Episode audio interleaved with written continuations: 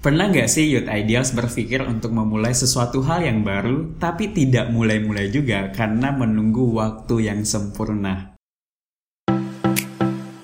Hey, Anda mendengarkan Youth Idol Podcast, inspirasi dan motivasi bisnis anak muda. Bersama dengan saya, host Anda, Fardiandi.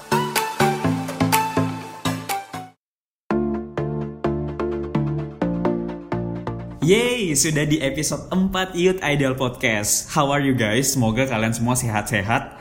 Dan di episode kali ini kita akan share tentang done is better than perfect. Tapi sebelumnya bagi Anda yang pertama kali mendengarkan Youth Idol Podcast, Youth Idol Podcast adalah platform platform inspirasi dan motivasi bisnis anak muda dan tiap episode kita akan berikan insight dan juga inspirasi dari para entrepreneur entrepreneur muda. Nah, Teman-teman, kalau bicara tentang dan is better than perfect, memang kebanyakan orang itu pada saat ingin melakukan sesuatu, ingin menyelesaikan sesuatu, mereka selalu berpikir bahwa itu harus sempurna. Kalau nggak sempurna, saya nggak ingin memulai. Jadi sebelum mereka memulai, mereka selalu berpikir bahwa ini tuh nggak sempurna karena nggak sempurna ya udah deh nggak usah dimulai ujung-ujung nggak ada yang selesai karena saya punya banyak sekali teman teman saya yang memiliki mindset seperti itu bukan hanya memulai bisnis memulai project, bahkan memulai apa ya, memulai tugas-tugas kuliah pun sebenarnya done is better than perfect. Why is that important guys? Nah, saya udah tulis nih empat hal yang membuat saya belajar kenapa done is better than perfect dan kenapa teman-teman harus apa ya wajib memulai sesuatu tanpa perlu memikirkan itu sempurna, itu belum sempurna ya.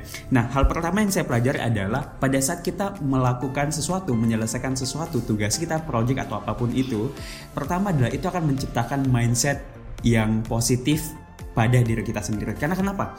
Pada saat kita coba untuk menyelesaikan project, menyelesaikan sebuah tugas, menyelesaikan sebuah bisnis misalkan, atau memulai sebuah bisnis, itu akan meningkatkan kepercayaan diri kita sendiri teman-teman. Itu gimana ya pada saat kita stop tidak memulai sesuatu kita tidak mulai karena hanya berpikir bahwa itu adalah hal yang sempurna terkadang itu sending message ke diri kita bahwa kita tidak begitu kuat untuk memulai sesuatu hal yang baru parahnya teman-teman itu mindsetnya akan terus berkelanjutan berkelanjutan. Pada saat selalu ada project yang baru ujung-ujungnya tidak mau memulai. Karena kenapa teman-teman? Selalu berpikir bahwa saya tidak cukup baik. Nah itu sangat parah sekali. Hal kedua teman-teman, pada saat done is better than perfect, kita mulai saja itu akan membentuk kapasitas diri kita menjadi jauh lebih baik. Saya tahu bahwa pada saat di awal-awal kita memulai sesuatu ya terkadang kita itu tidak apa ya tidak sempurna, tidak sesuai dengan ekspektasi kita ya. Bahkan seperti podcast ini saya selalu berpikir bahwa kapan ya bisa sempurna ya? Yang nggak ada yang sempurna teman-teman.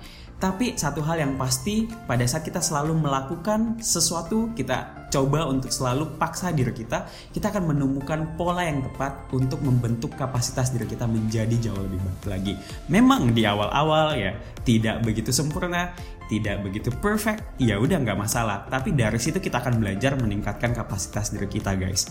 Nah, hal ketiga adalah nothing is perfect.